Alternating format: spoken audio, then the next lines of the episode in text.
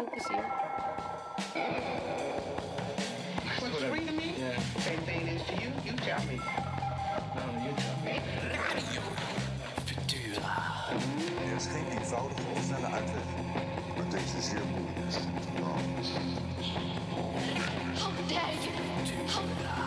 Our military has to be strengthened.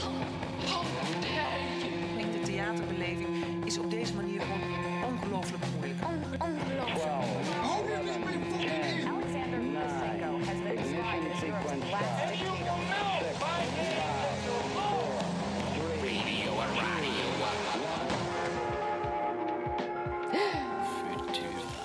Welkom bij Radio Futura, actie radio over kunst en de wereld. Mijn naam is Dionne Verwij en ik ben uw host voor vanavond. Het is aflevering 34 alweer. Dat betekent dat we over, ver over de helft zijn. We zijn bijna aan het einde, maar daar gaan we nog niet over denken. Want ik bedoel, waarom zou je? We zijn nu hier.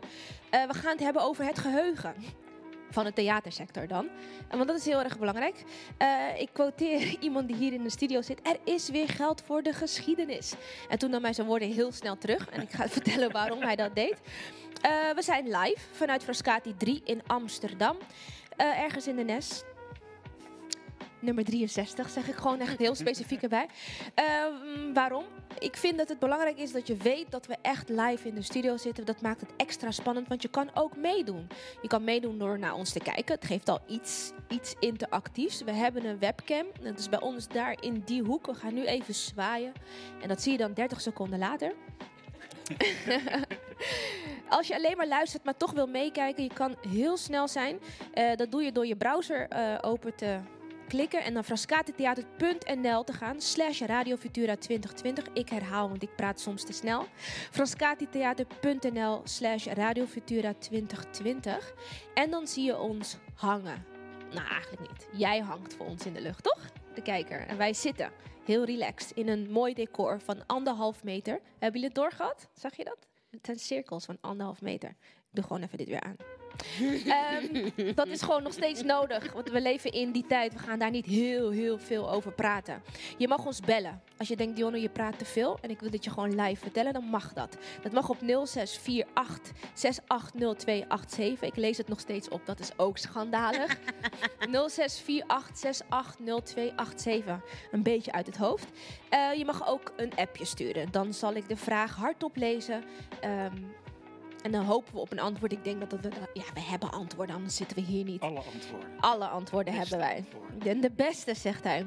Er is ook een emmer met wat quotes. Normaal komen mensen hier binnenlopen en dan lopen ze brutaal naar de emmer toe. En dan pakken ze een quote en dan lopen ze naar de microfoon. En dan vertellen ze wat ze te vertellen hebben. En dat is niet waar. Dat is eigenlijk nooit gebeurd, of wel?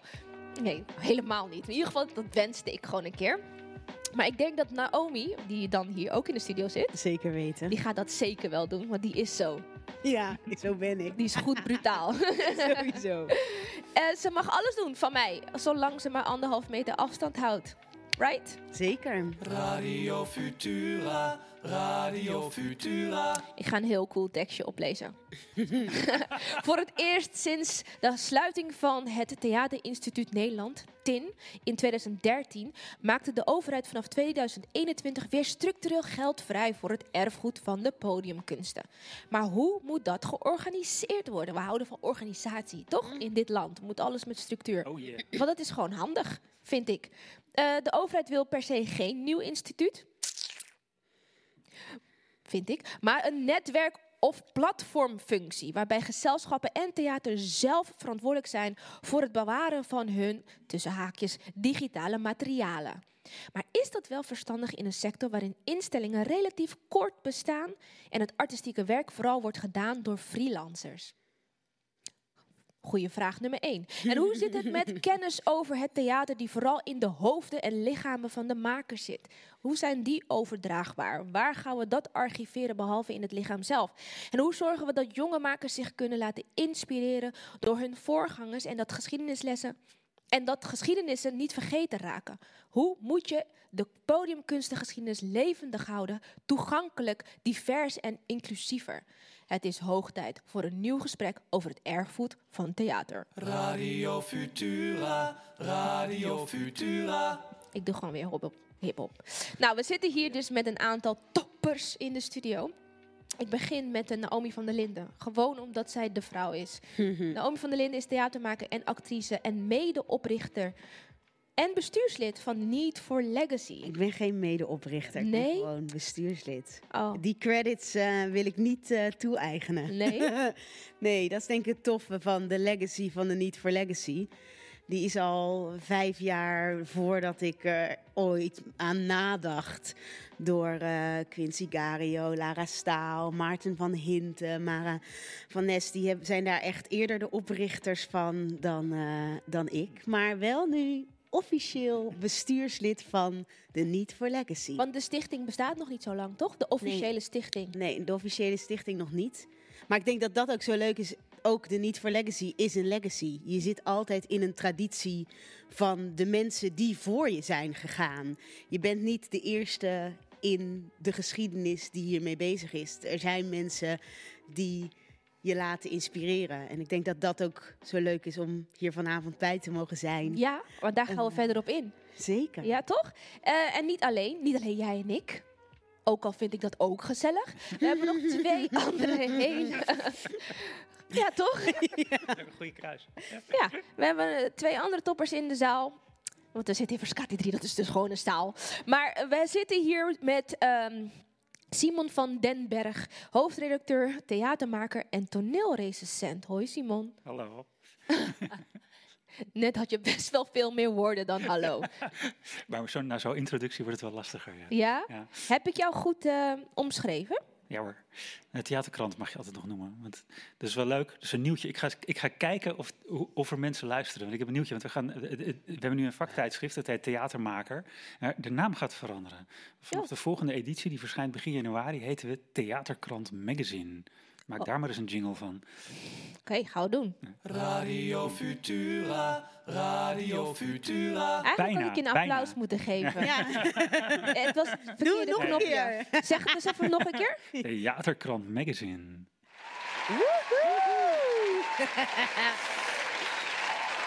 Thank you very much. That's really nice. Thank you. Dat is een vervelende stem. hey Simon, ehm, oké, Theaterkrant Magazine. Had het een andere naam nodig?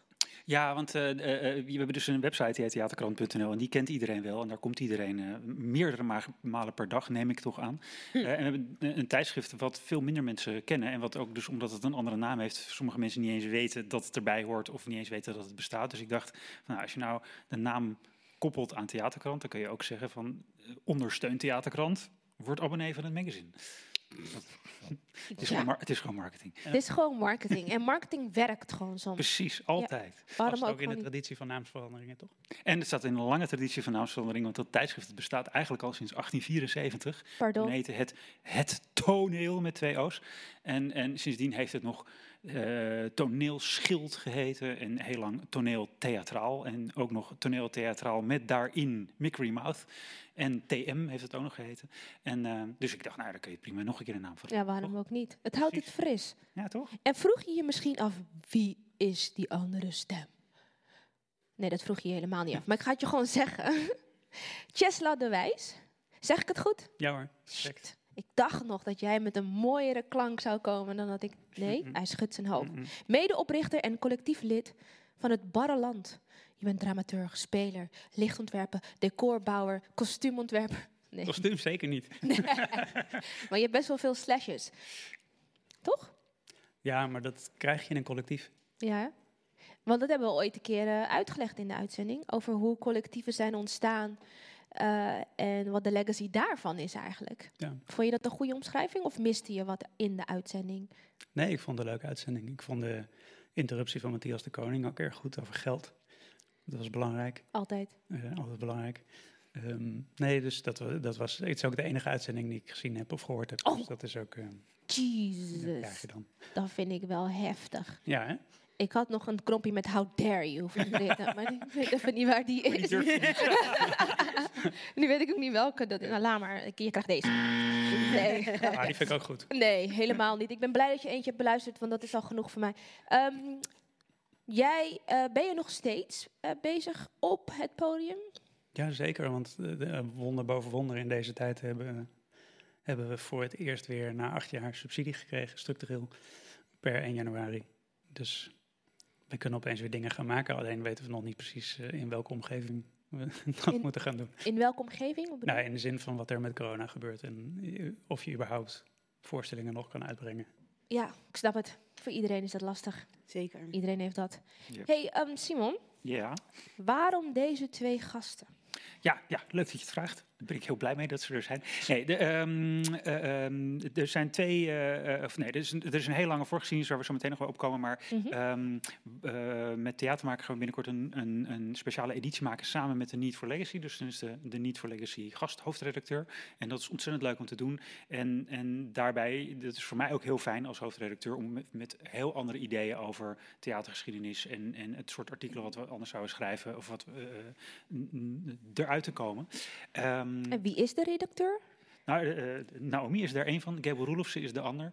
eh, maar ook andere leden, eh, Eden Dijkstra gaat eraan meedoen. En Julian Isenia en ehm, wie hebben we nog meer? Eh, Maarten van Hinten hoop ik heel erg dat hij ook mee wil doen. Neske Beks en Dan van Houten. Dus dat wordt een, dat wordt een heel breed, vrolijk legacy nummer. En je krijgt een speciaal rubriekje, neem ik aan? Of zijn Nee, het het hele nummer. het hele nummer? Het hele nummer. In maart van Theaterkrant Magazine. Ik kan het zeggen. Ja, dat is een momentje, toch? Ja, Of niet? zeker. Was hier een niet naar? Ja, heel erg. Waar kwam de vraag vandaan? Van Simon of van jou? Dat is eigenlijk, dat moet je, weet jij beter. Ik ben er pas Eh. later daarin ook weer. Ik, ben Ja, weer ik denk dat ik met de vraag bij Gable kwam. Ja. Dat was, want eh, de, de Need for Legacy heeft een paar avonden of eh, middagen georganiseerd op het theaterfestival, waar ze ehm, eh, eh, eh, nou ja, eigenlijk hun, hun programma uiteen hebben gezet. En wat ik daar heel erg tof van vond, was dat Maarten van Hinten, die had daar een paar ehm, eh, eh, eh, eh, eh, eh, soort TED-lezingen over, over makers die eigenlijk in de eh, eh, reguliere Nederlandse theatergeschiedenis niet terugkomen. Dus Anis de Jong eh, van Delta, dus, eh, die, eh, de, het, eh, eh, maker met Molukse achtergrond en, en over die problematiek al 30 jaar voorstellingen maakt, maar eigenlijk in de Nederlandse kanon niet terugkomt. Eh Meral Turkse toneelspeelster die eh, via diverse omwegen directeur is geworden van de Amsterdamse Theaterschool. En, en hij vertelde daarbij dat hij twee Turkse eh, eh, leerlingen van de theaterschool onlangs sprak met een Turkse achtergrond. Die, zei, die dachten dat zij de eerste eh, ehm, leerlingen met, eh, eh, van die achtergrond waren. Terwijl ze dus niet eens wisten dat er al een Turkse directeur was geweest. Dus dat vond ik allemaal van die mooie verhalen waaruit blijkt dat, die, dat dus er, er zit gewoon een soort grote amnesia in het Nederlands theater. En die heeft altijd gezeten. En die is nu enorm versterkt omdat we niet een instituut hebben of een plek hebben waar, waar al die geschiedenissen bij elkaar verborgen worden. En wat nog een keer versterkt eh, eh, dat de, de sowieso al onderbelichte theatergeschiedenissen eh, dus nu helemaal onzichtbaar worden. En ik vond dat heel mooi zichtbaar gemaakt. En ik vond dat eh Niet voor Legacy daar enorm goed en belangrijk werk in doet. En dat wil ik graag een groter podium geven. En, ehm, Dus je kwam een aantal anekdotes tegen. Ja, Zoals- het begint natuurlijk altijd met anekdotes. Ja. Ja. Ja. Nee, maar ik, ik ben altijd benieuwd, benieuwd naar hoe een behoefte geboren wordt. Want eh, ik denk dat de behoefte is natuurlijk voor hen die net nooit of genoeg plek krijgen binnen dat kanon. eh, dat daar, zi- daar zijn standaard behoeftes. Maar dat, je, dat die ontmoeten de behoeftes van de grote platforms nooit. Of tenminste, ik kan me dan, het, is, het is een beetje als, het- als de vraag of als de kreet. Nou, waar zijn alle donkere acteurs dan? Dat ik me dan afvraag, really, hoor je ze niet schreeuwen dan? Of wil je ze niet horen schreeuwen? Dus vandaar, dat, vandaar de vraag, hoezo nu eigenlijk? Of hoezo nu pas? Want de behoefte, om, om, behoefte aan legacy, zoals Naomi al omschreef, ik weet niet of, dan, of de microfoons toen al aanstonden, die begon al ver voor ons, voor jij, voor jij en ik, Naomi. Als ik het even heb over kunstenaars met een migratieachtergrond. Hmm. Eh, hoezo eh, hadden ze toen al niet ehm, de ontmoeting met een Simon en dus ook een plek Ja, maar, nee, maar dat is eigenlijk heel interessant dat je dat zegt. Want eh, waar, we, waar we ook weer achter kwamen is dat er... Dus er, er is ook al heel veel geschiedschrijving geweest over, over kunstenaars met een migratieachtergrond. We hebben het project Vice Versa gehad. Of Tin heeft dat eh, ooit georganiseerd. Waarbij het hele theater in Suriname en, en eh, eh, op Curaçao en op, de, de, en op Aruba in kaart is gebracht met alle makers. En dat er biografieën van geschreven zijn. dat dat werk geïnventariseerd is. En, en wist jij dat? dat is dus ook, Nee, is dat is dat ook je dat kwijt. Dat maar dat is dus ook kwijt. Dus er, is, dus er wordt best wel veel geschiedenis geschreven en er wordt best wel veel werk gedaan en best wel veel archiefwerk. Alleen. Er Was het toen nog niet digitaal? Of? Eh, nee, deels niet, maar nu wel. Maar het, is, het wordt dus ook niet gevonden of er is geen platform voor. Of als er een platform voor is, wordt dat, niet, wordt dat weer niet gevonden. Dus daar zit denk ik een enorme, enorme lacune. Ehm, en, en ik dacht van, nou, de- de, eh, in 2013 is het Theaterinstituut gesloten. Eh, en, en die collectie, eh, daar is toen even mee, mee geleurd. En die is nu ondergebracht bij eh, de Universiteit van Amsterdam, bij hun bijzondere collecties. Die heeft dat nu Mhm. in beheer. Mhm. En, en nou, dat, is, dat heeft dus een paar jaar echt met minimale middelen gewoon alleen gericht op, nou, laten we zorgen dat het, dat het, dat het niet eh, eh, wegrot en dat we het niet aan de straat, straat wordt gezet. Ja. Werd het gedigitaliseerd? Of, eh? Ja, er is een groot deel gedigitaliseerd, dus er is wel het een en ander aan gebeurd. En, en nu komt er dus vanaf 2021 voor het eerst weer, enerzijds komt er van twee plekken geld. Dus geld om, om die collectie goed te bewaren en die goed... ehm, eh, eh, eh, eh, nou, dat heet het beheer en behoud. Ja. En anderzijds komt er geld voor, en dat heet dan eh, met een gruwelijke term, de netwerk- of platformfunctie met betrekking tot sectorcollecties podiumkunsten. En die gaat over hoe zorgen we nou dat, die, dat al die digitale eh, eh, spullen die er zijn en al die, al- die bronnen die er zijn, bij elkaar gebracht worden en eh, een, een groter publiek kunnen vinden. Ja. Of in ieder geval van, binnen het vak. Zeker. Jij wilde nog wat zeggen volgens mij. Of je ademde in, maar... Nee, ik stelde je een vraag. Ja, het kwam doordat je, da- eh, je zei waarom nu of waar, waarom niet. Het is, eh, op de toneelschool heb ik al deze namen nog nooit gehoord. Ik heb daar nog nooit iets van. Huh, Anis de Jong, een, een Turkse vrouw, Meral Tegun is voor Ruud Wijsman de artistiek leider geweest van de toneelschool waar ik op zat. Nou, dat was echt, voor mij waren dat echt wel toen ik de eerste keer bij het theaterfestival, ik denk nu drie jaar geleden was, en Maarten van Heer, Hinten hoorde praten over Rufus Collins, was echt zo. Huh? En die man is er. Huh? En dat was voor mij wel echt ook een eye-opener van er zijn zoveel mensen voor je geweest die niet zijn gedoseerd op school, maar die zijn er wel. En dat zichtbaar maken, denk ik dat dat nu zo belangrijk is om te weten wie je voorgangers zijn. Te weten in welke traditie je maakt. Te weten dat je niet de eerste bent. Eh, en om daarvan te leren. En wat ik eigenlijk het bijzonderste vond van die eerste lezing. ah, was een van die vragen, vond ik best wel mooi. De kennis over theater die in de hoofden en de lichamen van de makers zit.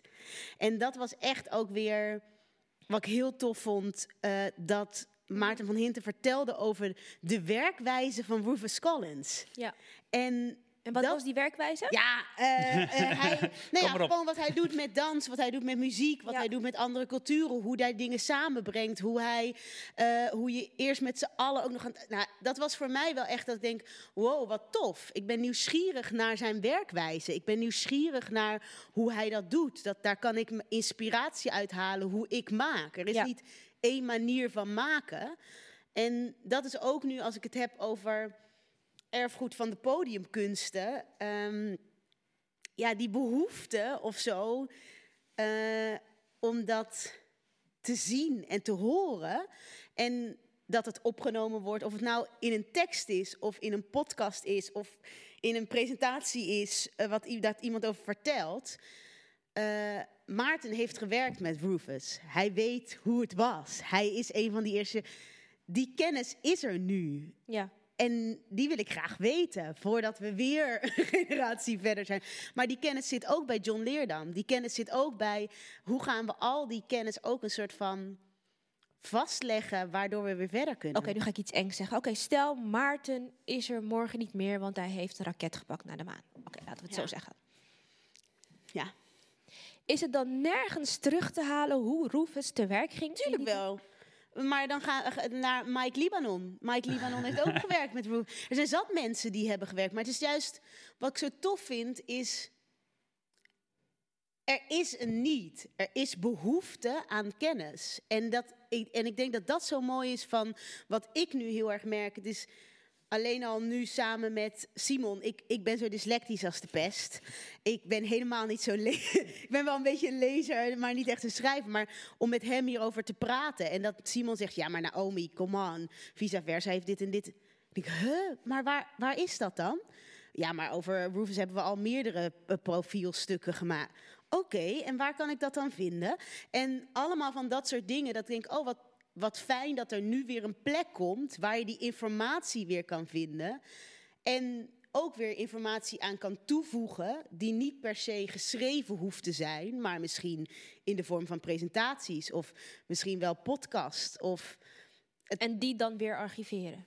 Zeker. Ja, dus Eén gaat- plek hebben. Het is toch ook Ja. weer waar ik merk toch misschien wel het gemis van het tin. Ja. Er is waar, waar ga je een stuk van halen nu? Hoe, hoe, hoe, waar, hoe doe je dat nu? Ik merk wel dat er een behoefte is, denk ik, niet alleen van mij, maar van onze generatie. En er wordt heel veel nieuws gemaakt. En toch heb ik het idee dat eh, zeker jonge makers het gevoel hebben dat ze het wiel opnieuw moeten uitvinden.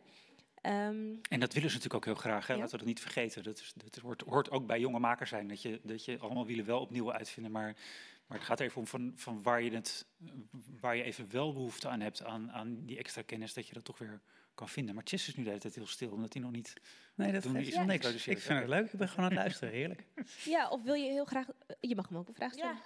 Nou, nee. Ik wilde wel horen wat je wilde zeggen eigenlijk. Nee, nou, dat, dit was zelfs een beetje. Oh, oké. Nou, Chess.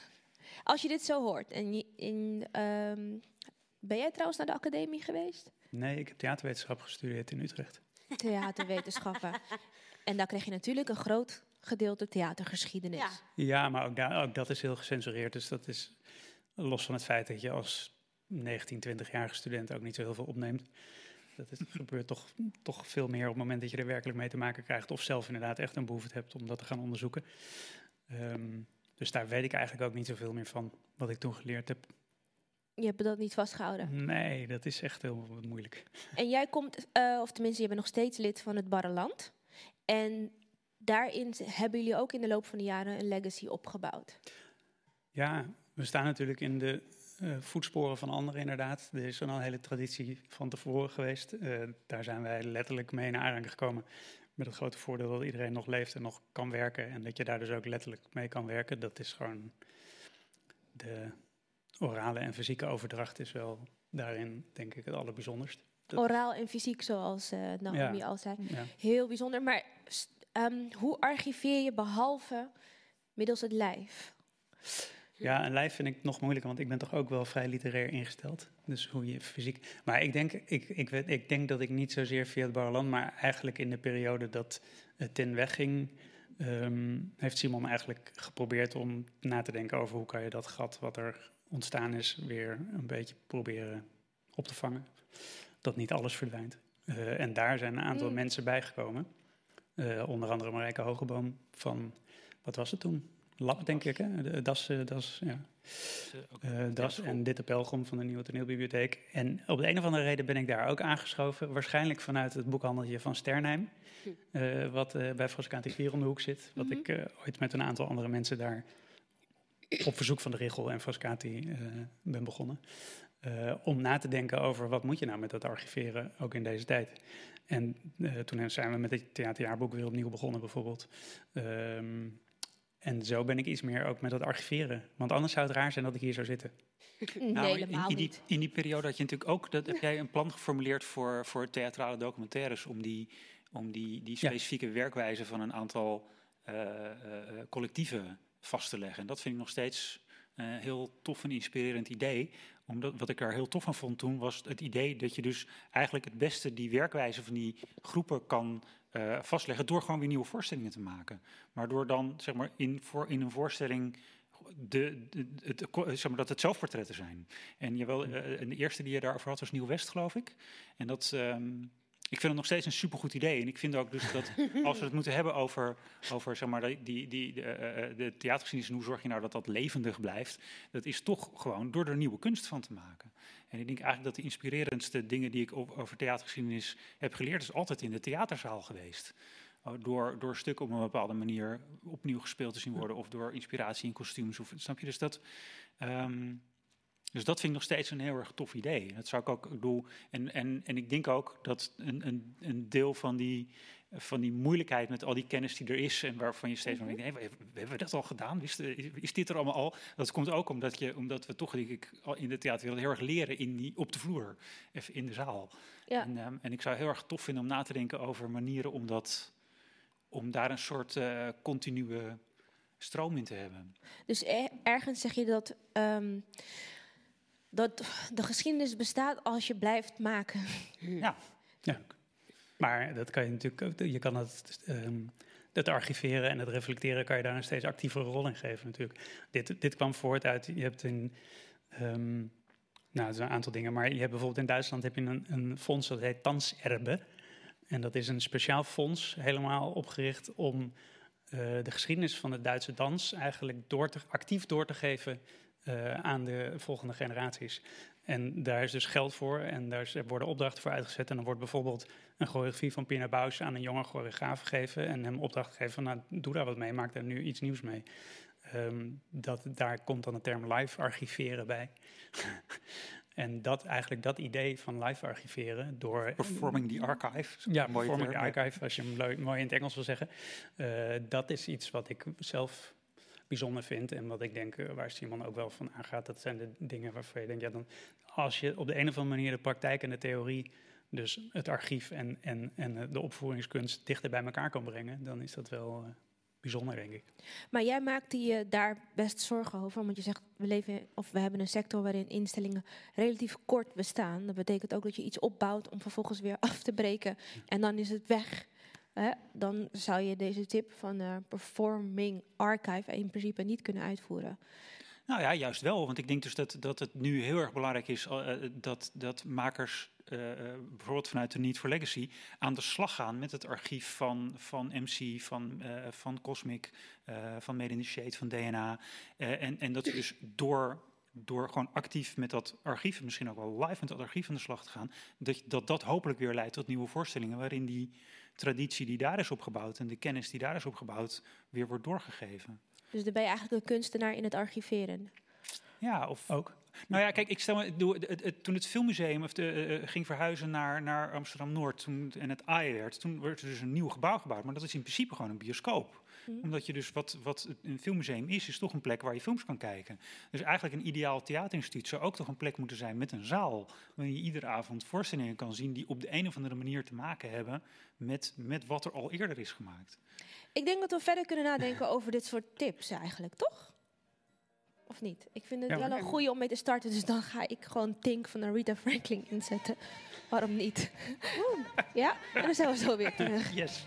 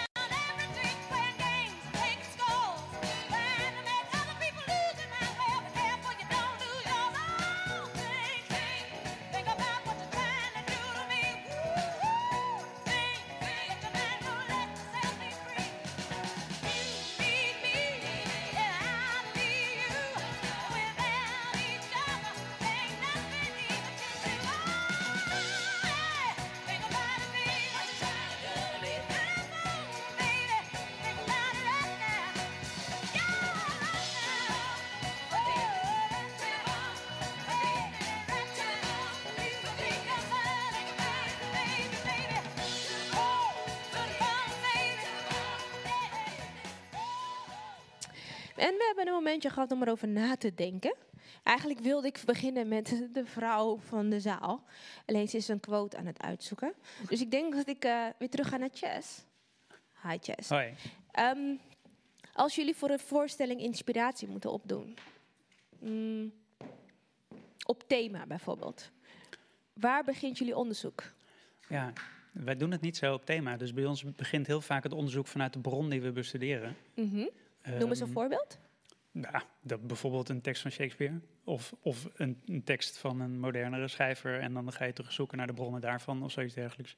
Of nu hebben we, zijn we bezig met een boek van Thomas Oosterhoff op de rok van het universum. Uit 2015, gewoon een roman.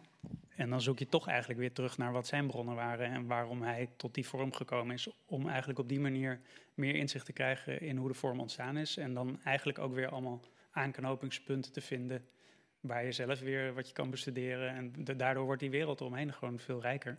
Mhm. Ehm, En is dit een soort vaste werkwijze van jullie? Of is verschilt het per voorstelling? het verschilt wel een beetje per voorstelling, maar dit gebeurt eigenlijk altijd wel. Of laten we het zo zeggen, dit is iets wat ik bijvoorbeeld altijd wil doen, zelf. Of we dat nou per se met z'n allen doen, maar ik doe het sowieso wel. Dat vind ik ook leuk.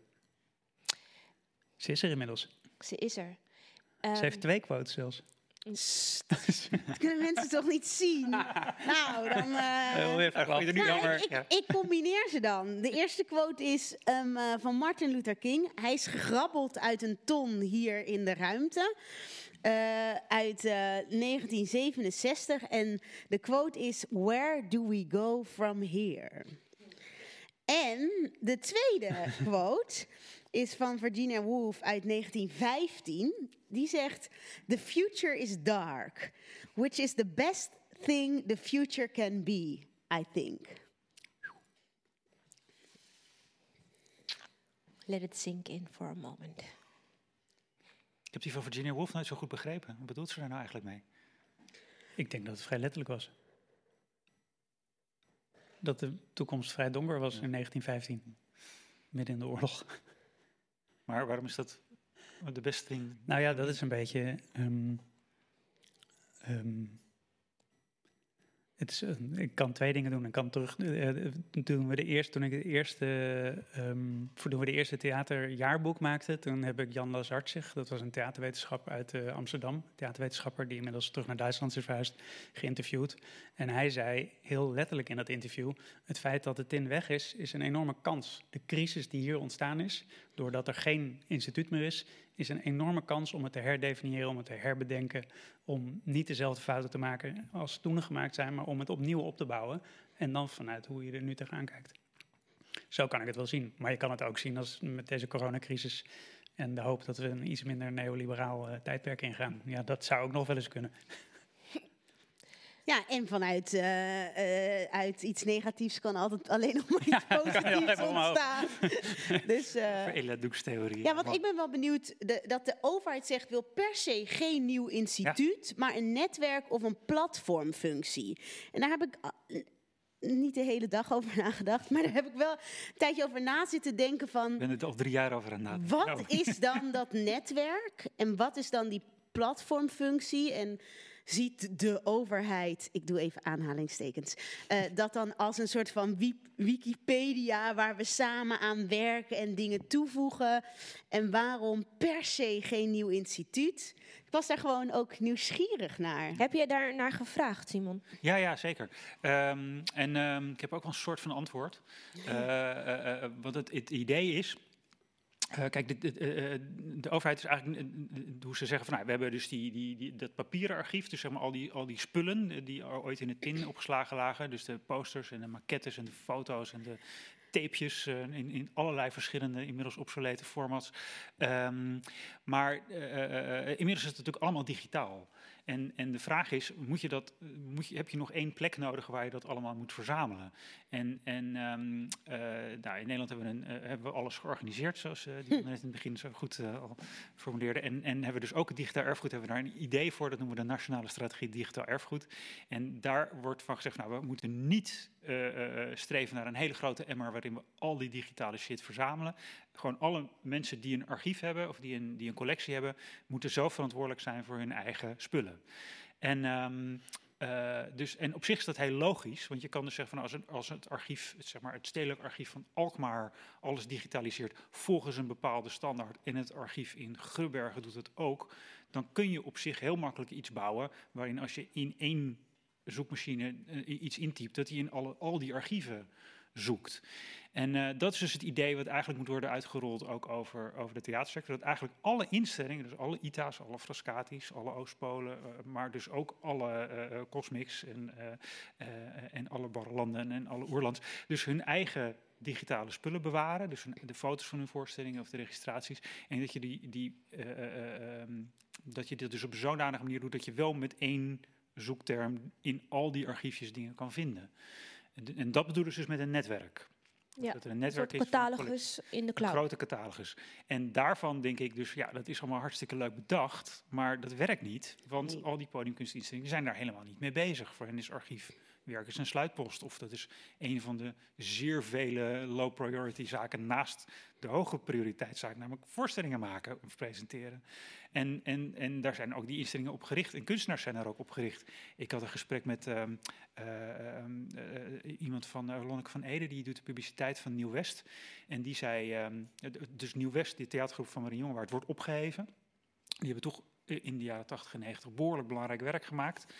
Eh, maar Marie Jongewaard zelf zegt, gooi allemaal aan de straat. Het interesseert mij niet. Die is niet geïnteresseerd in een archief. Die wil vooruit, die is bezig met zijn volgende voorstelling. Ja. Dus dat klopt niet met hoe instellingen in de podiumkunsten werken. En die instellingen houden op met bestaan, want die zijn gekoppeld aan mensen. En als die carrière is afgelopen, dan houdt dat op. Dus ik denk dat die nationale strategie voor de podiumkunsten helemaal niet gunstig is, of helemaal niet handig is. Dus dat, dus, en dat er dus wel degelijk één plek zou moeten zijn waar je al die spullen toch weer verzamelt. En dat je daar toch weer toch nou, en dan is dus het woord instituut een beetje besmet, eh, eh, want eh, dat, dat we niet. Maar dat je toch een plek nodig hebt die die, die verantwoordelijkheid neemt namens al die gezelschappen. En ook liefst van en voor al die gezelschappen eh, eh, die zelf met andere dingen bezig zijn. Maar ik vind ook daarin, wat ik heel problematisch er wel aan vind, is de grote spelers en de kleine spelers. Absoluut. De grote spelers als ITA of Nationaal Theater, ehm, die kunnen dat veel makkelijker dan kleine organisaties. En daarin vind ik het ook wel pittig dat de overheid zegt, dat is ook je verantwoordelijkheid. Terwijl juist ehm, dat bij elkaar, dat digitaliseren van archieven, juist eh, meer. ti- Ik snap als kleine speler is het best wel lastig om dat te doen. Ja, maar Nou, toch, plus dat je er ook geen extra geld voor krijgt. Precies. hoor. In, België hebben ze, hebben ze dat verplicht gemaakt voor Ja. alle instellingen, maar daar zat wel dus dan een klein bedragje bij. En twee instellingen om, eh, om daarbij te helpen. Ja. Ja. Dus dat is toch iets beter geregeld. ja, want ik kan me voorstellen dat als Marien denkt, ach, whatever. Maar dat een, een jonge maker op een academie denkt, nou, dit is een beetje mijn speelstijl. Ik weet niet waar dit vandaan komt. En dat dan de docent zegt, "Mwah, het doet me denken aan Nieuw West. Zoek maar even op en het is er niet. Dat is super zonde. Maar hoe... ehm, eh, wat ik voel een beetje bij Need for Legacy zoals het er nu uitziet, zoals ik jullie ken. Eh, Mhm. Natuurlijk weet ik dat het komt van de, eh, de MC-oprichters en daarvoor de Rufus Colling, Collins eh, generatie, dat dit al lang geroepen is. En het is ook een soort, ehm, nou ja, traditie, each one teach one, wat er is gebeurd tot nu toe, hè, voor de digitale wereld. Nou, dan heb ik nu het idee dat bij Need for Legacy, de stichting, dat er best wel veel jonge mensen zijn Heel veel. die een behoefte hebben. Ja. En die behoefte hebben ze uitgesproken door er een stichting van te maken. En het kwam van hen. Ik kan me voorstellen dat eh, dat, is ook, dat dat ook ontstaan is door eh, in een omgeving te opereren waarin het je niet werd aangereikt. Mhm. Dan raak je nieuwsgierig. Ja. Dan ga je nadenken, ja. Je Maar dat merk je ook aan veel jonge mensen. Dat is het toffe van de Niet for Legacy. Er zitten ook nog heel veel mensen die nu nog op school zitten. Ja. Dus tweedejaars van HKU of van Artes of van de ATKA. eh, die ook nog hebben, welke stukken zijn er nou nog meer? Als ik niet Tsjechov of Shakespeare of wil doen, wat kan ik dan nog meer spelen? Ja, dat is dus mijn vraag. Is dat iets van, van deze tijd? Is het... Nou ja, ik merk wel, het, het, ik, heb, ik heb zelf bijvoorbeeld dan weer, dan ga je zelf weer wat maken. Dan ga ik weer een voorstelling Moederland maken over mijn geschiedenis en mijn Zambiaanse moeder en mijn Nederlandse vader en waar kom je vandaan. Terwijl er ook heel veel toneelstukken zijn die breder zijn dan alleen maar de witte kanon die er al is. Maar hoe hoe kom ik aan die stukken? Ja, en daar- Waar moet ik die vandaan halen? Wie weet welke stukken dat zijn? Zijn die stukken er? Hoe vind je dat? En zijn er zoektermen Wie voor? weet dat? Ja. Wie weet dat? Bij wie moet ik zijn? En ik denk, Zijn ze daar vertaald? Zijn ze vertaald? Moet iemand ze vertalen? Wil ik ze misschien wel zelf vertalen? Nou, allemaal van dat soort vragen. Daar zijn we nu echt helemaal middenin. Hoe gaan we deze stap maken? En het toffe is nu met Simon, met de theatermaker, om in ieder geval daar nu een eerste stap in te maken. En ook eigenlijk, wat voor mij ook heel belangrijk is, ehm, eigenlijk de structuur. Dus we weten in welke structuur. t- We hebben twee maanden geleden. Jij was er volgens mij ook bij met Jolanda Spoel. Een, en dat zij vertelt over de HKU en Artichok 020. En over dat zij de oprichter is van Docs. En, en dat ik denk. Wat is Artichok 020? Waar komt zij dan? Allemaal van dat soort vragen. Waarvan ik wil weten. Hè, ben jij de oprichter van Docs? Maar dat is toch altijd. Nou, al die stappen. Als je weet waar iets vandaan komt, kan je ook weer makkelijker dingen vinden. Maar dan moet je toch wel, want dat is wat ik een beetje gemist heb op school, weten dat je überhaupt iets mis.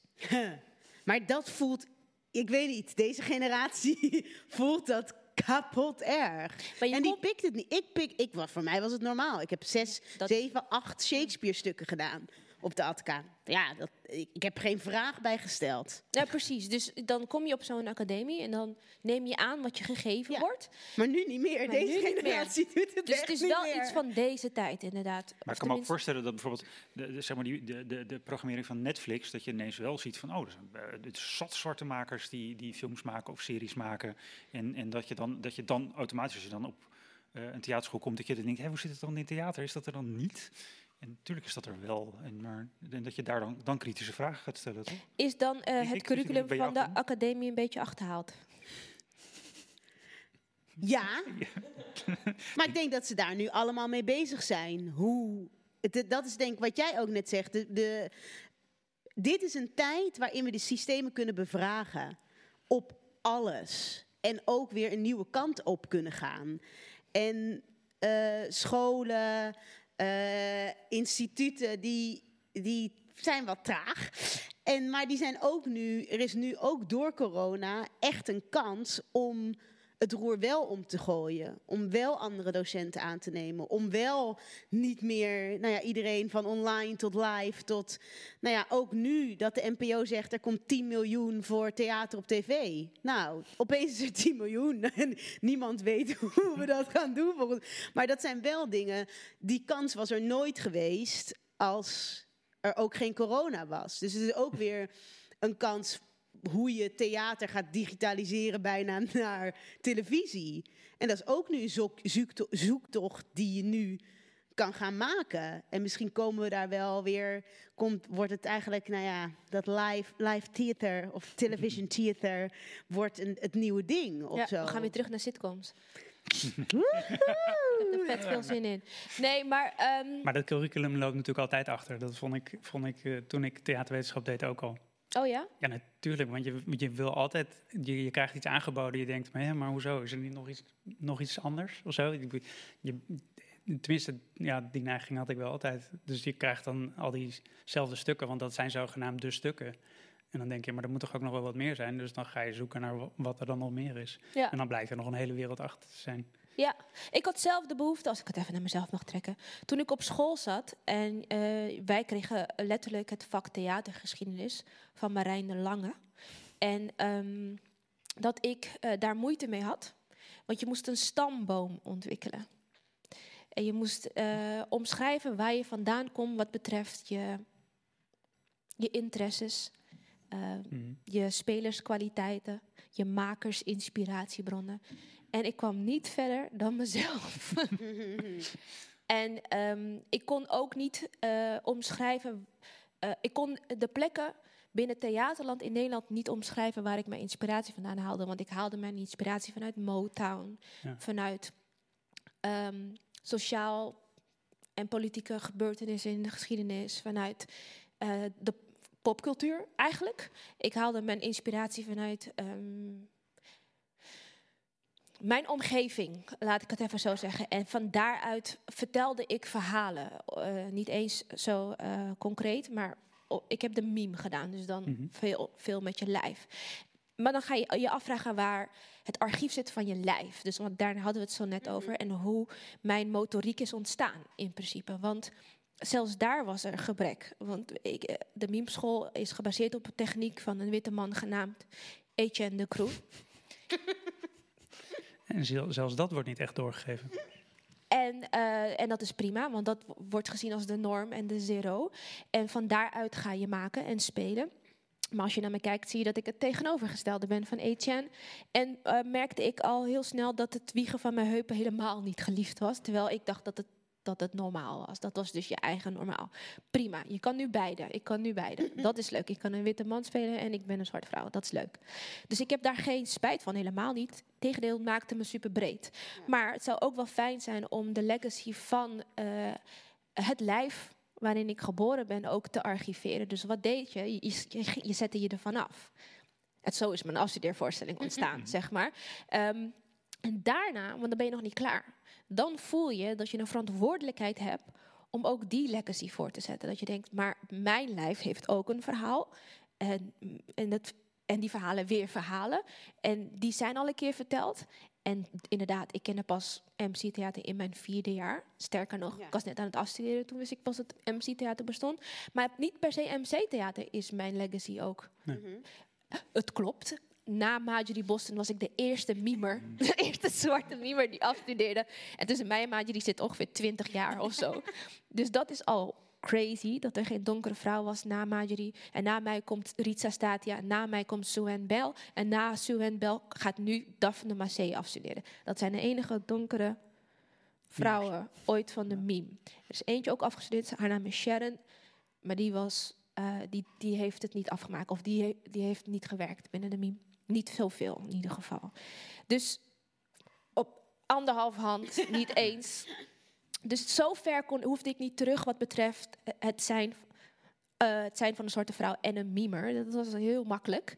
Maar eh, de inspiratiebronnen kwamen niet binnen theaterveld. En ook niet oh, zeker niet de meme-gezelschappen die er toen waren. Ze waren hartstikke cool. Dat moet ik ook gewoon even zeggen. Alleen je vindt jezelf daarin niet in terug. Dus dan eh, studeerde ik af. Heel goed. Ik, ga- dit gaat gewoon over mezelf nu. Nee, dit is echt heel fijn. Ga verder. Oh, ik studeerde helemaal af. in. Niet stoppen nu.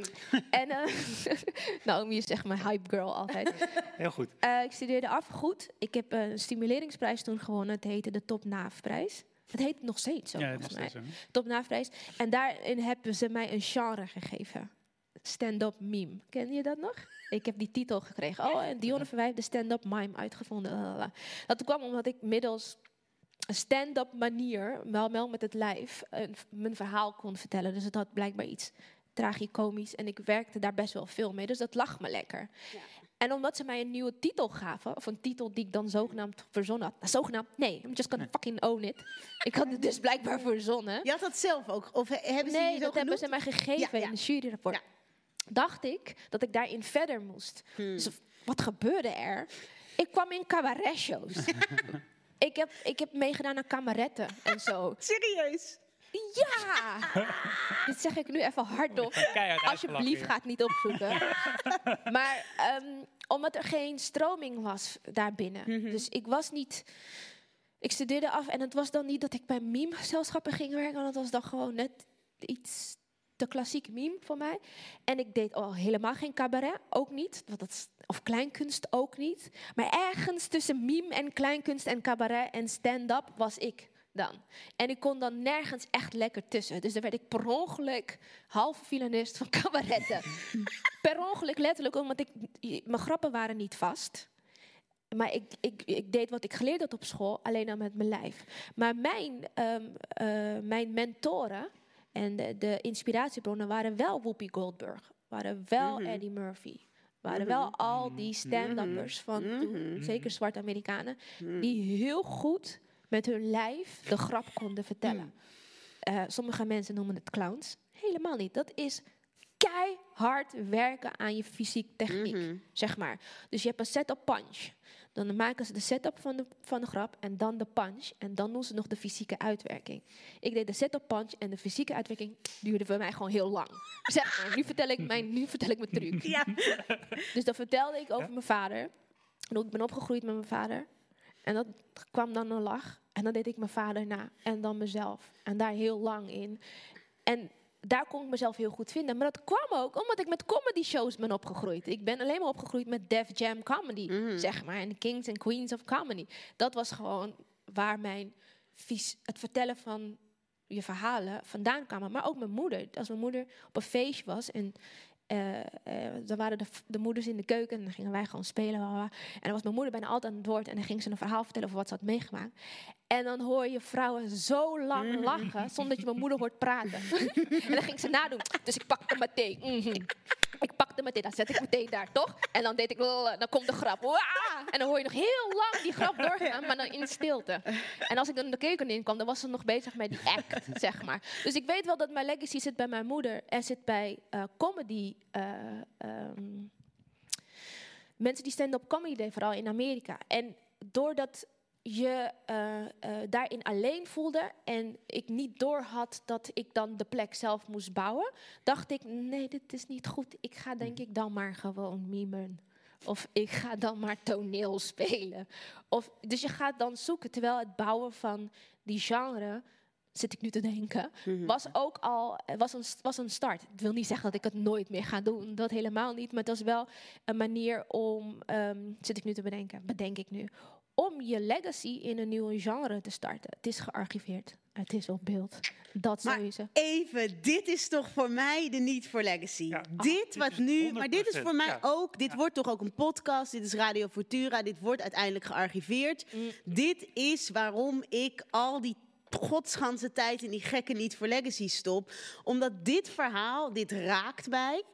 Eindelijk is een keer een andere zwarte vrouw die ook zegt: Dit is mijn legacy. Ja. Eddie Murphy, Whoopi Goldberg, dat zijn mijn mensen, dit is mijn taal. Uitleggen hoe je je grap maakt, hoe je daarmee aan het zoeken bent. Eh, en als tweede zwarte vrouw in de meme, maar ook binnen de meme laten zien: er is meer dan alleen dit. En dit zijn mijn inspiratiebronnen. En dit mogen mijn inspiratiebronnen zijn. Nou, dat laatste vind ik eng. Waarom? Want ik ben er wel voor gestraft.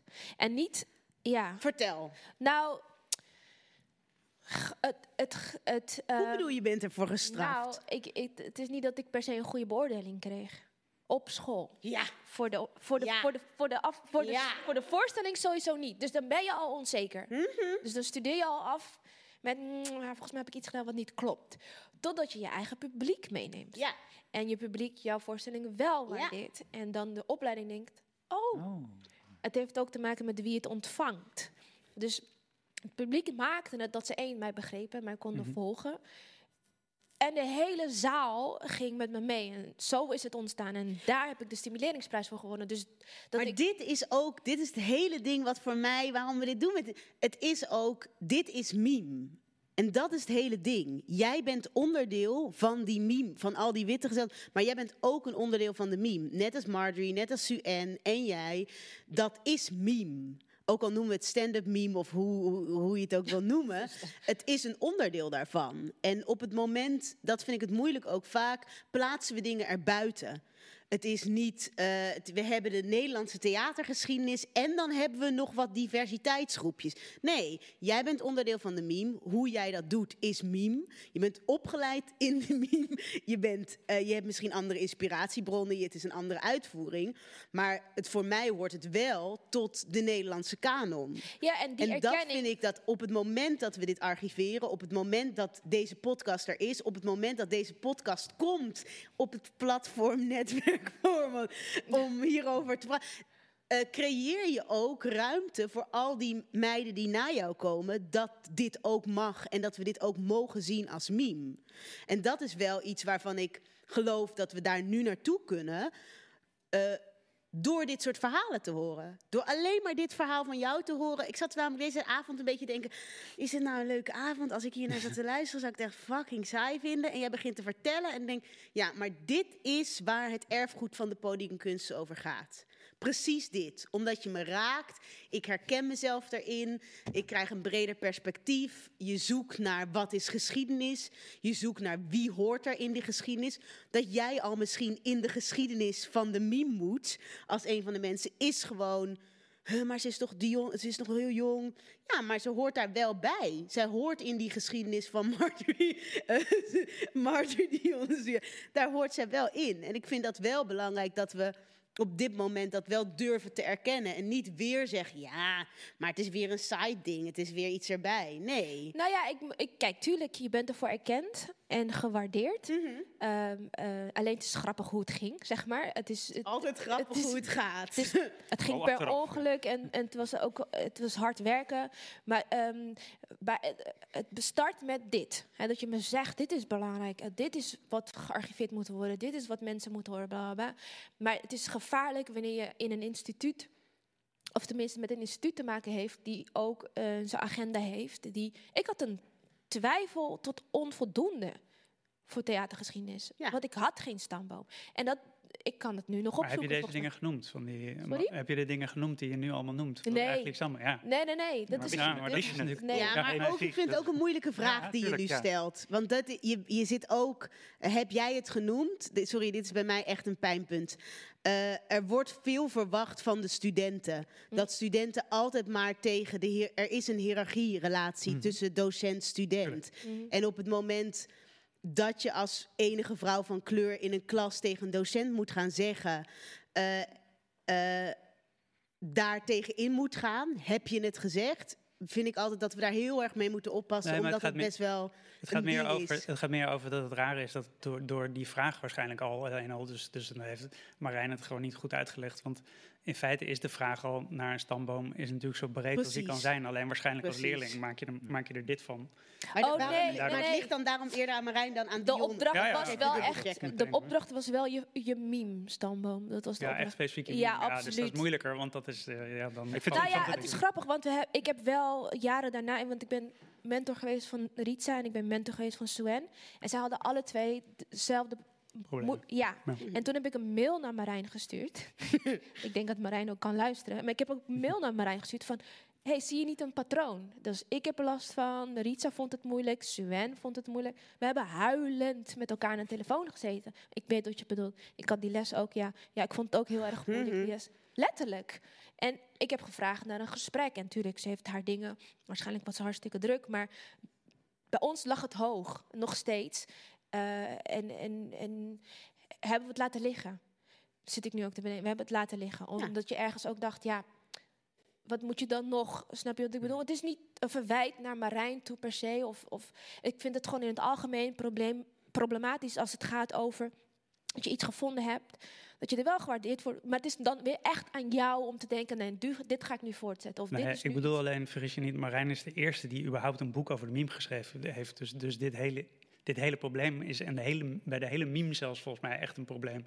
Dus het is niet, de, bij, jou, ja, bij jou is nou ingezoomd gewoon op dat specifiek ding, maar het is een veel breder probleem. Want de, die, eh, die Etienne de Croo, dat is nog nooit in het Nederlands vertaald. Dus Fleur die probeert dat nu vertaald te krijgen, die krijgt er geen subsidie voor.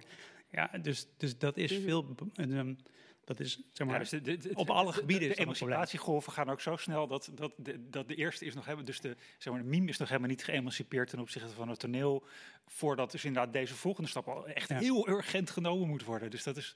eh, ik vind het heel leuk. eh, of ik vind het heel tof om te horen. Ik moet heel erg denken aan een toespraak die eh, de Amerikaanse toneelschrijver August Wilson heeft gehouden. Die heet The Ground on Which I Stand.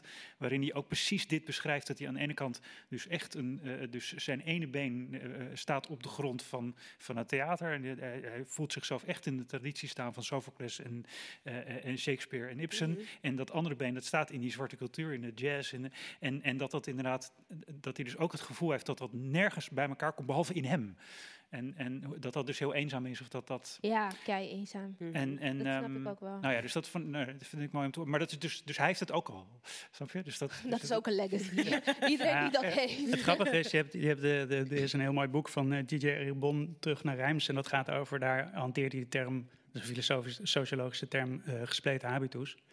Eh, en dat gaat eigenlijk over inderdaad met een beetje allebei je benen in een, in een andere cultuur staan. En daarin geeft hij ook aan dat eigenlijk die subculturen, en in zijn geval was dat dan een homo-subcultuur in de jaren tachtig, eh, onwaarschijnlijk belangrijk zijn om eh, los te komen van je eigen en vrede te krijgen met en dus ik vind het leuk dat jij eigenlijk vertelt over jouw subculturen die eigenlijk geholpen hebben om dat langzaam toch die stamboom te ontdekken en te herkennen en vorm te geven. En dan, dus dus ehm, Ja. da- ja, nou, waarom moest ik daar nou aan denken? Oh ja, door die twee benen natuurlijk.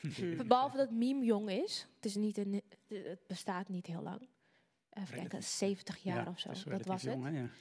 Ehm, is het ook gewoon jong dat er andere culturen meedoen aan meme, behalve de westerse culturen, moet ik ook gewoon toegeven. Ik hou van de memeopleiding, laat ik dat over zeggen. Ik vind dat de memeopleiding echt een van de meest mooie opleidingen is, omdat het echt gaat over lichaam. Nog los van achtergrond, nog los van genderrol, nog los van eh, de grond waar je op staat, letterlijk. Dus daarom vind ik dat een hele belangrijke ambacht, überhaupt binnen theaterland. Maar is het archiveren daarvan?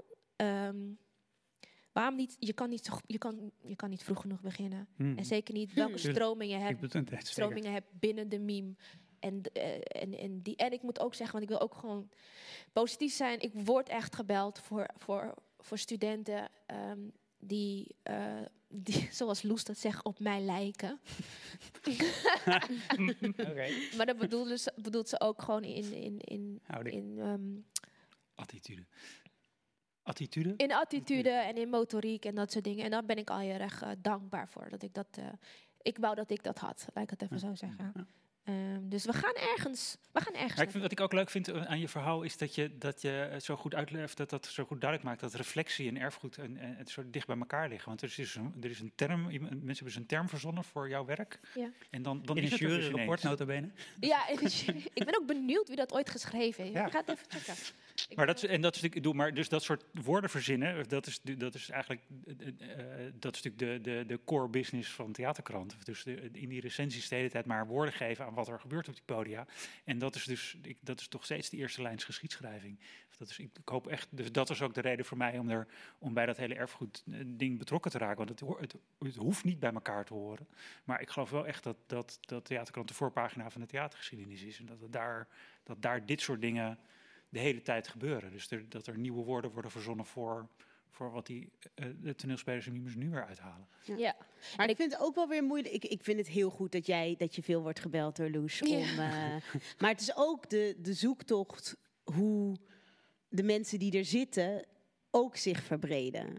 En dat is iets wat we niet moeten vergeten. Dat, eh, dat die zoektocht niet alleen maar bij als je van kleur of homoseksueel of genderrollen of whatever. Absoluut. Dat het niet alleen daarbij gaat, maar dat we juist vooral binnen de instituten, dat de mensen die het onderwijzen ook gaan zoeken, wat je alleen maar zegt, gaan zoeken waar is de ruimte waarbinnen we de geschiedenis kunnen geven. En welke blinde vlekken heb ik?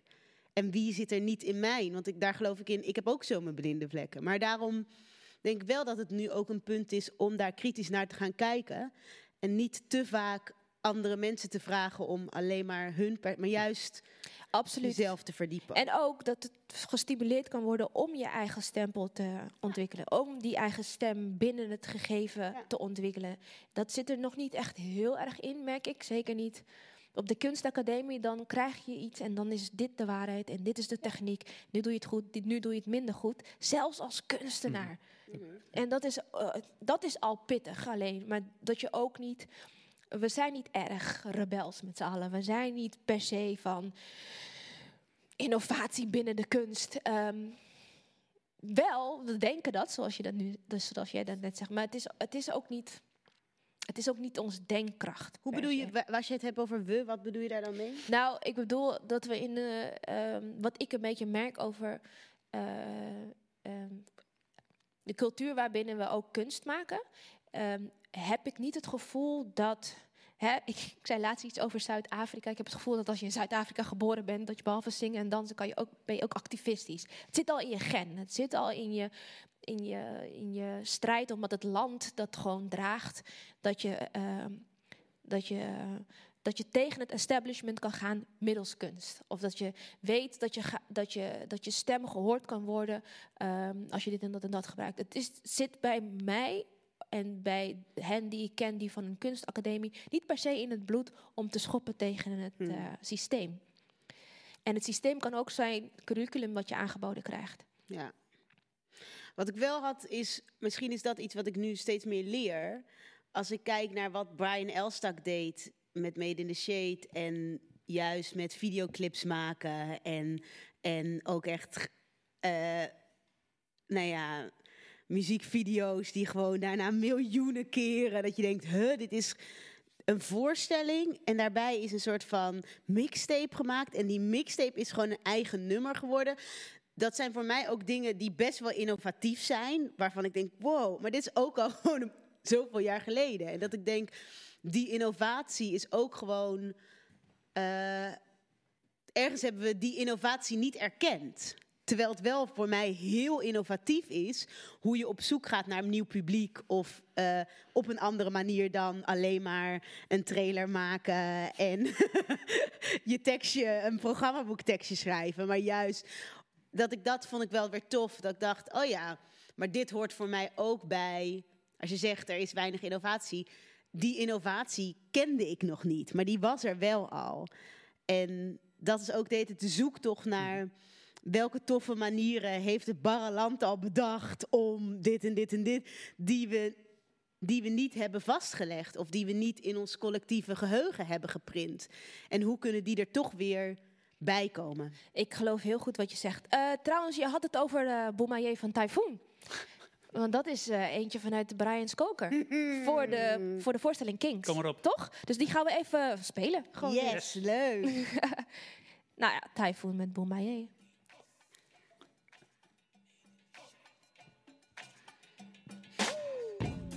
Typhoon en Flexicon voor jullie mensen. Ik neem jullie mee naar een wereld waar we allemaal koningen zijn. Jawel,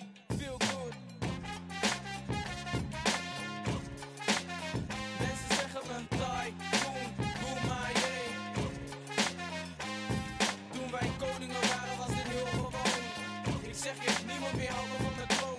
Typhoon. Ze zeggen Typhoon, Boomaye. Publieksfavoriet als Cassius Clay. Het maakt niet uit wat de naam is. Het zit in iedereen en het verschijnt in verschillende gedaantes. Voel die rust in mijn ziel en lichaam. Ik leef bewust met de geest van een winnaar. Eer me, soldaten salueer me. Een toekomstige koning, dus ik zit prins heerlijk.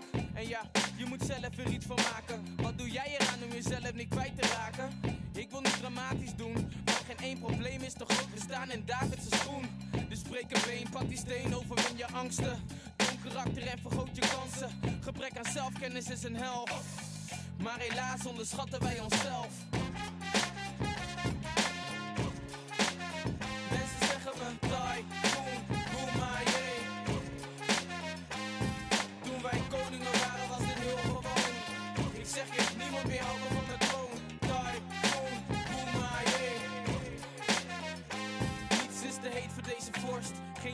Op mijn hand. Ik volg liever mijn hart dan mijn verstand. Allemaal koningen, diep van binnen. Ik groet al mijn koningen en koninginnen.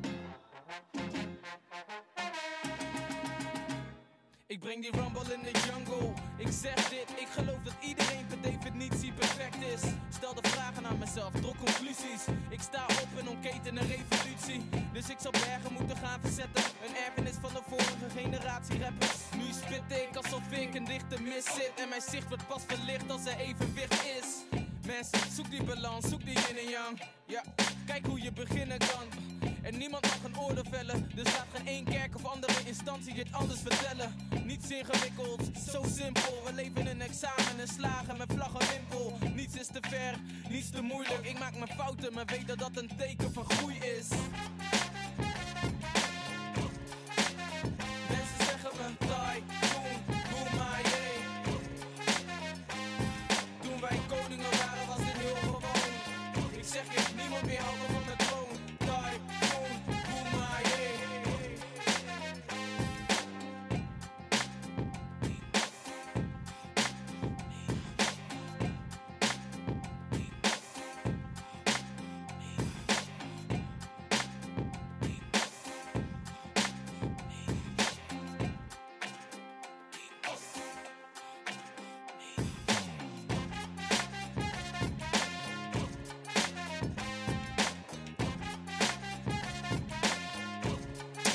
Shout-out eh, shout-out naar Brian Elstak trouwens.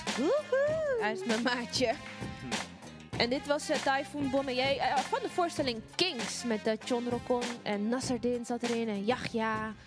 En Flexicon deed de muziek. hey, dat waren goede dingen hoor. Hey. Maar ik vroeg me dus net af, oprecht. Hoe kan je je laten inspireren als jonge kunstenaar? Hoe moet je weten dat Brian Elstak, de beeldend kunstenaar, dit soort projecten deed. Dat hij naast theater maken het ook belangrijk vond dat er een EP was.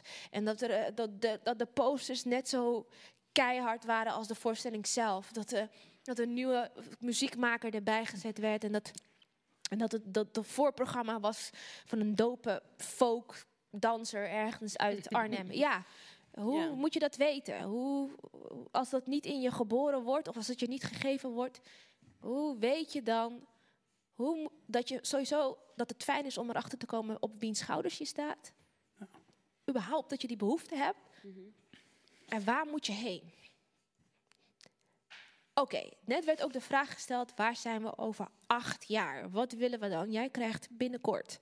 Simon krijgt zijn Simon krijgt binnenkort een pot Yes. met geld. Oh, if only. En dan ga je iets bedenken. Ja, dat zou leuk zijn. Hè? Ja. Hoe zou je willen dat we over acht jaar praten over dit gesprek? Nou ja, kijk, ik, ik, ik denk dat we. Dat er, dat er een platform. Ik denk dat een platform er al is. Ik denk dat dat, Mm. dat, dat de theaterencyclopedie is. En dat is, dat is gewoon. Daar moet nog heel veel mee gebeuren. Maar dat is het nog niet. Maar ik denk wel dat dat de plek kan zijn waar. Want dat is. Daar, daar kan, wordt alles al verzameld. En daar kan je zelf dingen aan toevoegen. Ehm, dus ik denk dat, dat dat de plek moet zijn waar er nog veel meer in kan. En waar dit ook allemaal aangehangen moet worden. En, en dat het op een gegeven moment zoveel is en zo uitgebreid en zo onontkoombaar. Dat, dat iedere docent daar gewoon les 1 mee begint. En dan, nou ja, dat dus eigenlijk die, die stamboom waar je het over hebt, dat je die dus dat je die eigenlijk al min of meer automatisch al getekend hebt. Omdat je, omdat, omdat je er zelf ook al in zit. Snap je? In, in, in dat systeem. En, ehm, Je moet in een stamboom eh, staan. ja, of, of, nou ja, of dat je jezelf er op een gegeven moment in kan plaatsen. En, ehm, En is je stamboom dan opgebouwd eh, uit de namen waar je mee samenwerkt of waar je de inspiratie van hebt? Dat is eh? natuurlijk... Nou ja, allebei natuurlijk. Ja, heel veel. Het is ook, het, het is Maar- ook een kwestie van, van bronnen ontsluiten. Want er is gewoon... eh, in, in Brussel heb je een, eh, een instelling die heet Moesem... en die krijgt gewoon subsidie om de Arabische toneelbibliotheek te ontsluiten.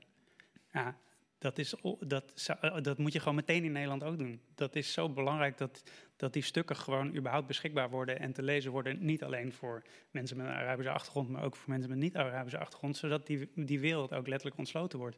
En dus het is niet alleen de, de overdracht die van de mensen zelf komt, die aan de mensen zelf hangen, dat is ook belangrijk. Ja. Maar ook gewoon wat er daarbuiten allemaal überhaupt is, waar we gewoon geen weet van hebben, omdat we het niet kunnen lezen of niet kunnen vinden. Of niet Is het dan een idee om een fonds te starten?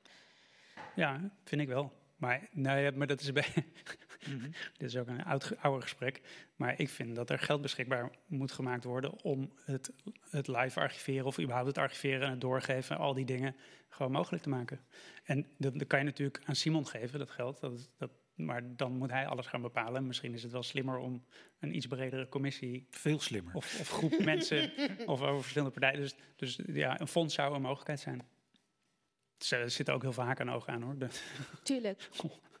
maar eh, het, Nou, het- laten we zo zeggen, het, in eerste instantie hoe dat dan uiteindelijk georganiseerd wordt. Maar eh, ik vind het belangrijk dat dat, ah, dat dat ontsluiten actief gebeurt ook. Dus dat daar, dat daar mensen gewoon echt aan, aan gaan werken.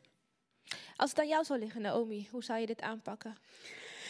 Nou, eh 2028. Ehm, eigenlijk wat ik gewoon het meeste heb is.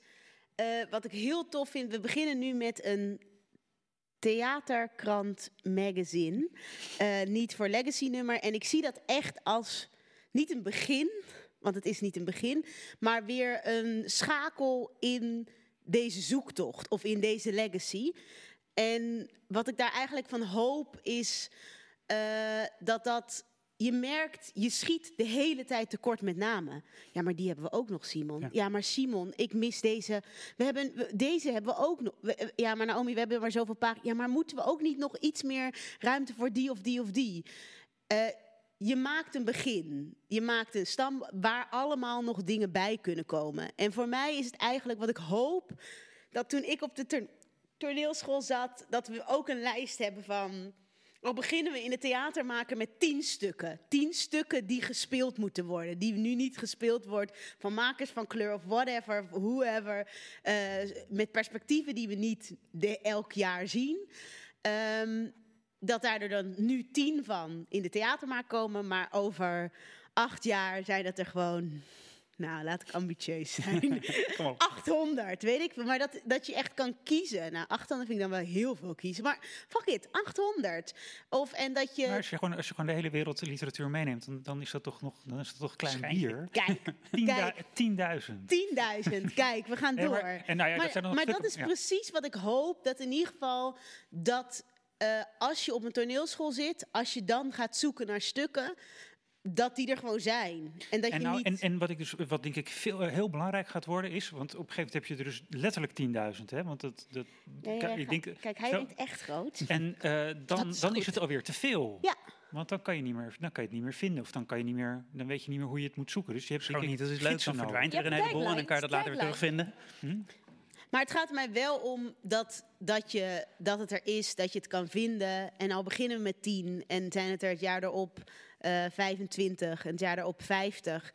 Ik denk dat dat alleen al die stappen maken of bewust worden van de legacies die er zijn. Dat je, eh, als je dan een stuk opeens doet van Rufus Collins, dat je dan ook gelijk daaronder ziet een profielschets en een ding. Of je gaat eens een keer kijken wat Felix de Roy doet met beeldende kunst en eh, film en wat hij met Spike Lee en, en zijn film die op Curaçao, weet je, al die dingen dat je ook denkt, oh misschien moeten we eigenlijk wel helemaal weg van het onderwerp of van die discipline theater, maar moeten we helemaal in die film à la Felix de.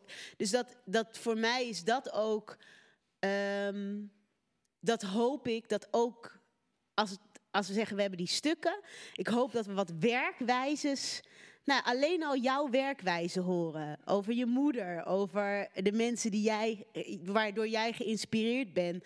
Dat dat meer kan zijn dan boeken. We denken altijd weer met dramaturgen, ja, heb je misschien stukken die ik kan lezen?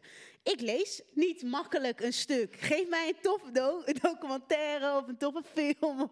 Laat me een tof stand-up programma kijken van Whoopi Goldberg. Dus dat is ook de, de legacy waar we naartoe moeten gaan van de inspiratiebronnen en dat je op een toneelschool leert. Dat mag ook mijn inspiratiebron zijn tot mijn werk. Want kijk, eh Dionne Verwij die heeft gewoon prijzen gewonnen. Stand-up, eh, meme, weet je. Maar dat is wel zo, doordat ook dat erkend wordt... hoe, hoe de school ook soms een onvoldoende geeft... en toch daarna een prijs geeft.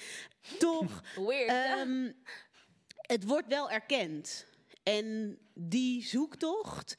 Ik hou heel erg van podcasts. Nou, het lijkt me heerlijk toen ik eh, Jolanda Spoel over. Laat hij, haar mij een podcast een half uur vertellen over hoe het was bij Artichok 020. Maar dat moet je sowieso doen. Je moet die hele generatie moet je Precies, dus dat is wel. En ik denk dat dat, als, het- als het lukt om podcast, eh, documentaires, eh, niet voor legacy presentaties door Maarten van Hinten.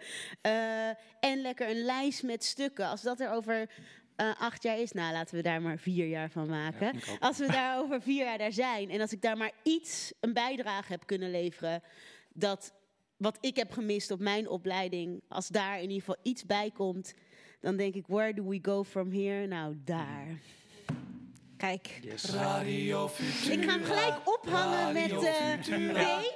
Ja, doe Ze maar. worden opgehangen hier op de spandoeken. Ja, Maar go er zijn for gewoon nog zoveel. Ik heb, we hebben toen voor het eerste theaterjaarboek hebben we een eh, fotoreportage gemaakt van eh, allemaal verschillende opslagen van, eh, van spullen van gezelschappen.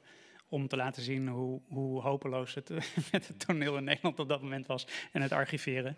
Omdat die fysieke beelden van die opslagen zo ontzettend veel vertellen. En nu, ik vond nu, want ik ben, ben bij de Krakeling dan eh, de, een keertje weer rondgeleid in dat oude gebouw van eh in the Shade. Zeg ik dat goed? Ja, hè? Ja. Eh, maar daar zie je helemaal niks meer van. Nee. Dat Made in the Shade, dat zelf. Nou, ik dat- bedoel, dat is het allemaal lettertype door hun... op de wc-deuren. zit er- Made in the Shade of MC bedoel MC. je? Ja, sorry, MC. Eh, dus, en dat, en de, de, ergens zou je toch willen dat dat ook gewoon in dat fysieke gebouw zichtbaar blijft. En dat al die dingen ook in die. de- Dan is het niet je eigen lijf, maar in ieder geval in de fysieke ruimtes en lijfelijkheid van, eh, van die materialen. Dat dat ergens. Dus Heeft het dan ook te maken met een soort respect voor elkaars werk of zo? Ja, natuurlijk. De, de, de, de- ja, Ja, maar niet respect in de zin van dat het eh, op een voetstuk gezet moet worden. Maar gewoon omdat, je, omdat het zoveel inspiratie...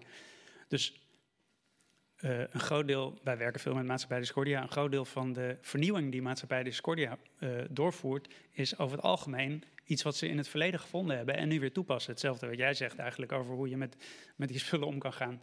Dus, dus ook, ook daarom is het belangrijk. Maar het, heeft, ja, het is ook definitely respect natuurlijk. Wie gaat het werk van Nieuw West oppakken? Nou, dat is natuurlijk Warme Winkel wel best wel mee bezig. Ja? Ehm, dus, maar ja, wie het echt gaat doen, is zeg maar in het activisme ook bijvoorbeeld. maar ja, sommige mensen mogen ook... Jenne. Nee, zit, het moeilijk is dat sommige mensen mogen ook wel uniek blijven, denk ik soms. Ik bedoel, Marien is gewoon een vrij uniek figuur. Er hoeft misschien niet per se een nieuwe Marien meteen weer achteraan te komen. Dat mag Nee, maar, je moet, maar we moeten wel weten dat er ooit een marine was. Ja, definitely. En dat is, dat is echt ingewikkeld. Ja, vind ik ook. Dat is Nou ja, ingewikkeld. nou ja kijk, en, en laten we ook wel wezen, uiteindelijk verdwijnt het natuurlijk allemaal.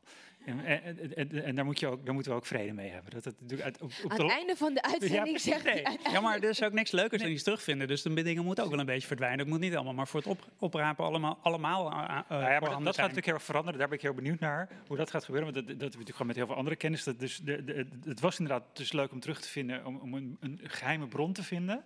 En nu is het natuurlijk zo, dit, dus eh, alles is beschikbaar in principe. En, en dat, je dan, dat je dan in die veelheid weer iets ziet of een patroon ziet. Of daar, daar zit, gaat denk ik de lol zitten. Of, of dat je een gids vindt die je daardoorheen leidt. Dat gaat denk ik heel, of daar zit denk ik, en, en ik denk dat niet voor legacy daar ongelooflijk belangrijk in gaat zijn.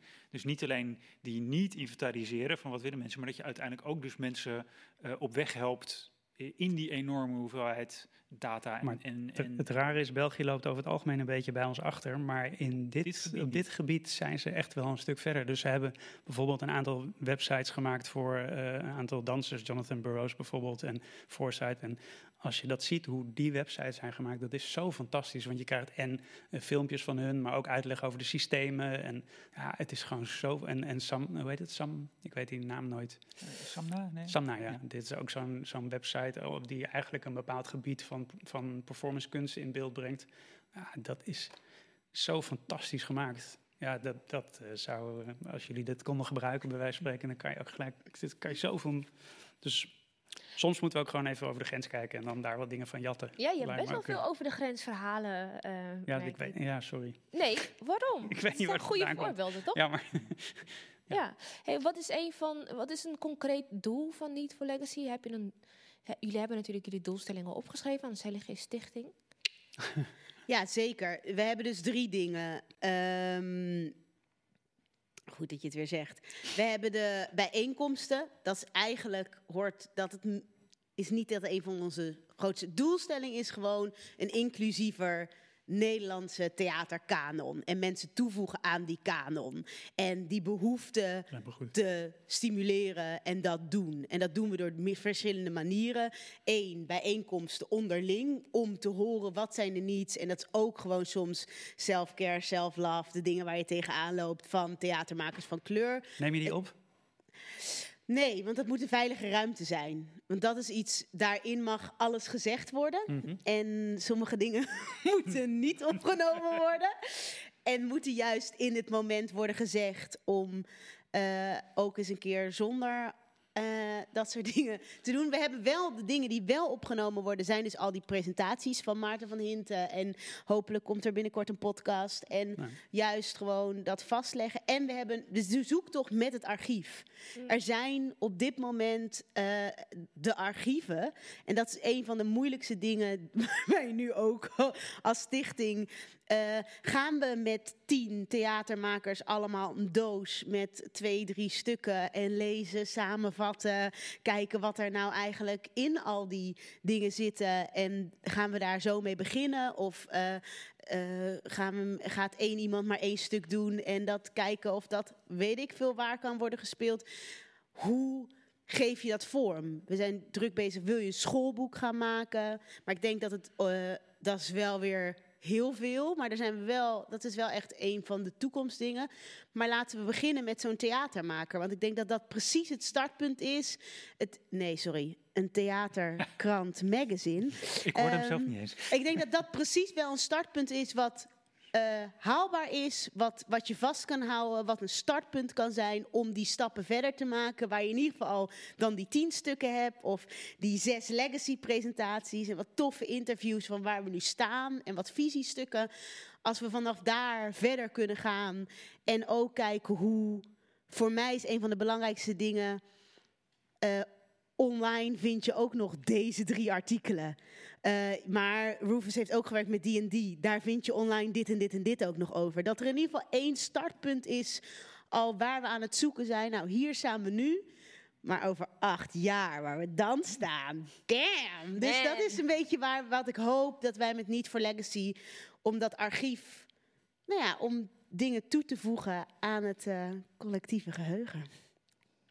Radio Futura, Radio Futura. Oeh, we zijn al eh, bijna aan het einde. Eh, ik vind het mooie toekomstplannen, moet ik zeggen. Ja, ik, ik heb er nu al zin in. En ik denk dat ik veel meer heb geleerd dan dat ik dacht dat ik zou leren bij deze uitzending. Maar dat komt echt door jou hoor, bij Nou, mij. Soms ontdek je dingen die je, die je nooit hebt uitgesproken. En als je het dan eenmaal uitspreekt, dat je denkt... Oh, zat het me dwars? Ik zo. Maar dat zijn eh, goede dingen. Daar ga ik eh, lekker van slapen, denk ik. Simon, ehm, heb jij nog niet iets, heb jij iets gehoord? Of heb je nog niet iets gehoord wat je wel heel graag wil horen? Nee, eh, eh, nee, ik heb heel veel meer gehoord dan ik, eh, dan ik hoopte. Ik ben, Het gaat toch gewoon uit. Nou ja, het, het- het- het- bij mij zit het toch heel erg dat ik, dat ik steeds maar weer wil weten wat die niet nou precies is. En ik heb dat vandaag weer echt ongelooflijk overtuigend eh, van jou en van jou en van jou gehoord. Dus dat vind ik Oh, te gek. Nou, Dank jullie fijn. wel. Ja, jij bedankt, want jij kwam met dit fantastisch idee, toch? Nou ja, Ja. voor de vraag. Dat is iets anders. Ik bedoel, er moet iemand moet eerst, eerst iets opgooien, wil iemand het opvangen. Dus Ja. ik denk, Zeker. toch? Anders heb je niks. Thanks Simon. Dankjewel, Simon. En Chess, wilde jij nog wat kwijt, behalve iets over het buitenland? Ja, nee, niet over het buitenland. Nee. Dat is wel genoeg. Eh, nou ja, het, het, het enige waar ik fietsend hier naartoe over zat te denken was dat het rare is dat de archiveren, dit soort, dit soort gesprekken gaan ook heel vaak over kwantiteit. Ehm, maar hoe- nou de kwaliteit van bijvoorbeeld de manier waarop eh, gerecenseerd wordt of zo. En eh, voor bijvoorbeeld hoe er naar jullie legacy gekeken moet worden en hoe daar door eventueel niet-allochtoonse mensen over geschreven moet worden. Stel dat dat gebeurt. Die moeten gewoon opgeleid worden, want anders kunnen ze het niet. Want ze begrijpen het niet, ze weten er niks vanaf, ze kunnen het niet plaatsen, ze hebben die geschiedenis niet. Dus hoe je zorgt dat ook die traditie eh, opgebouwd wordt en, en, eh, en daar een bepaalde kwaliteit in gevonden wordt. Ehm, ja, dat vind ik nog wel. Dat, daar hebben we nog geen antwoord op. Maar dat is wel mijn doel, dat het onze legacy wordt.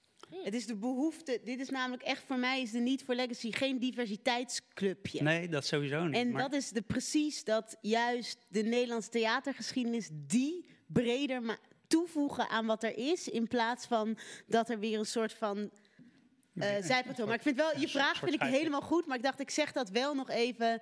Ehm, eh, dit is ook de behoefte aan eh, gender, diversiteit. Eh, het is heel breed waar we naar aan toe kunnen. Nee, maar het, is bedoel, het bedoelt eigenlijk meer als ja. van... Je, mensen moeten ook leren kijken naar de dingen en, en leren Heel beoordelen en, erg. en weten hoe ze erover Heel moeten schrijven en zo. En dat is natuurlijk ook... eh, Helemaal mee eens. Ja, ja, ik heb een goed, goed gesprek gehad met, ma, met, met Marijn Lems, volgens mij. Ja. En ik vroeg het ook aan hem, van hoe, hoe kijk jij, of hoe bewust ben je van jouw kijkpatroon en jouw referentiekaders? En eh, hij, is er heel hij zei, en ik geloofde hem, dat hij er heel bewust van is. En dat hij ook nog in een reis zit. En dat hij er lang nog niet is. En dat vond ik wel heel eerlijk. Ehm, want ja, ik vind dat een belangrijke vraag. En hoe kijken we naar elkaar? En wat nemen we aan? En welke kwa- kwaliteitsmeters gebruiken wij? En waarom? En eh, dat is ook denk ik wat ik net bedoelde over een soort gedragsverandering. Wat ik heel graag wil zien, ook bij kunstenaars zelf. Van hoe, hoe kunnen wij elkaar stimuleren om kritisch te zijn naar eh, onze authenticiteit. En daar aan- aan vast te houden als je maakt of als je, of als je gaat kijken ook. Je mag authentiek zijn, ook in je kijkgedrag. Wetende dat, het van, dat, de, dat de zender of de, de kunstenaar ook zijn eigen ehm, achtergronden heeft. Does this make sense? Ja, want het gaat precies over wat jij zegt. Dat als jouw familie en vrienden in de zaal zitten en precies snappen waar het over gaat.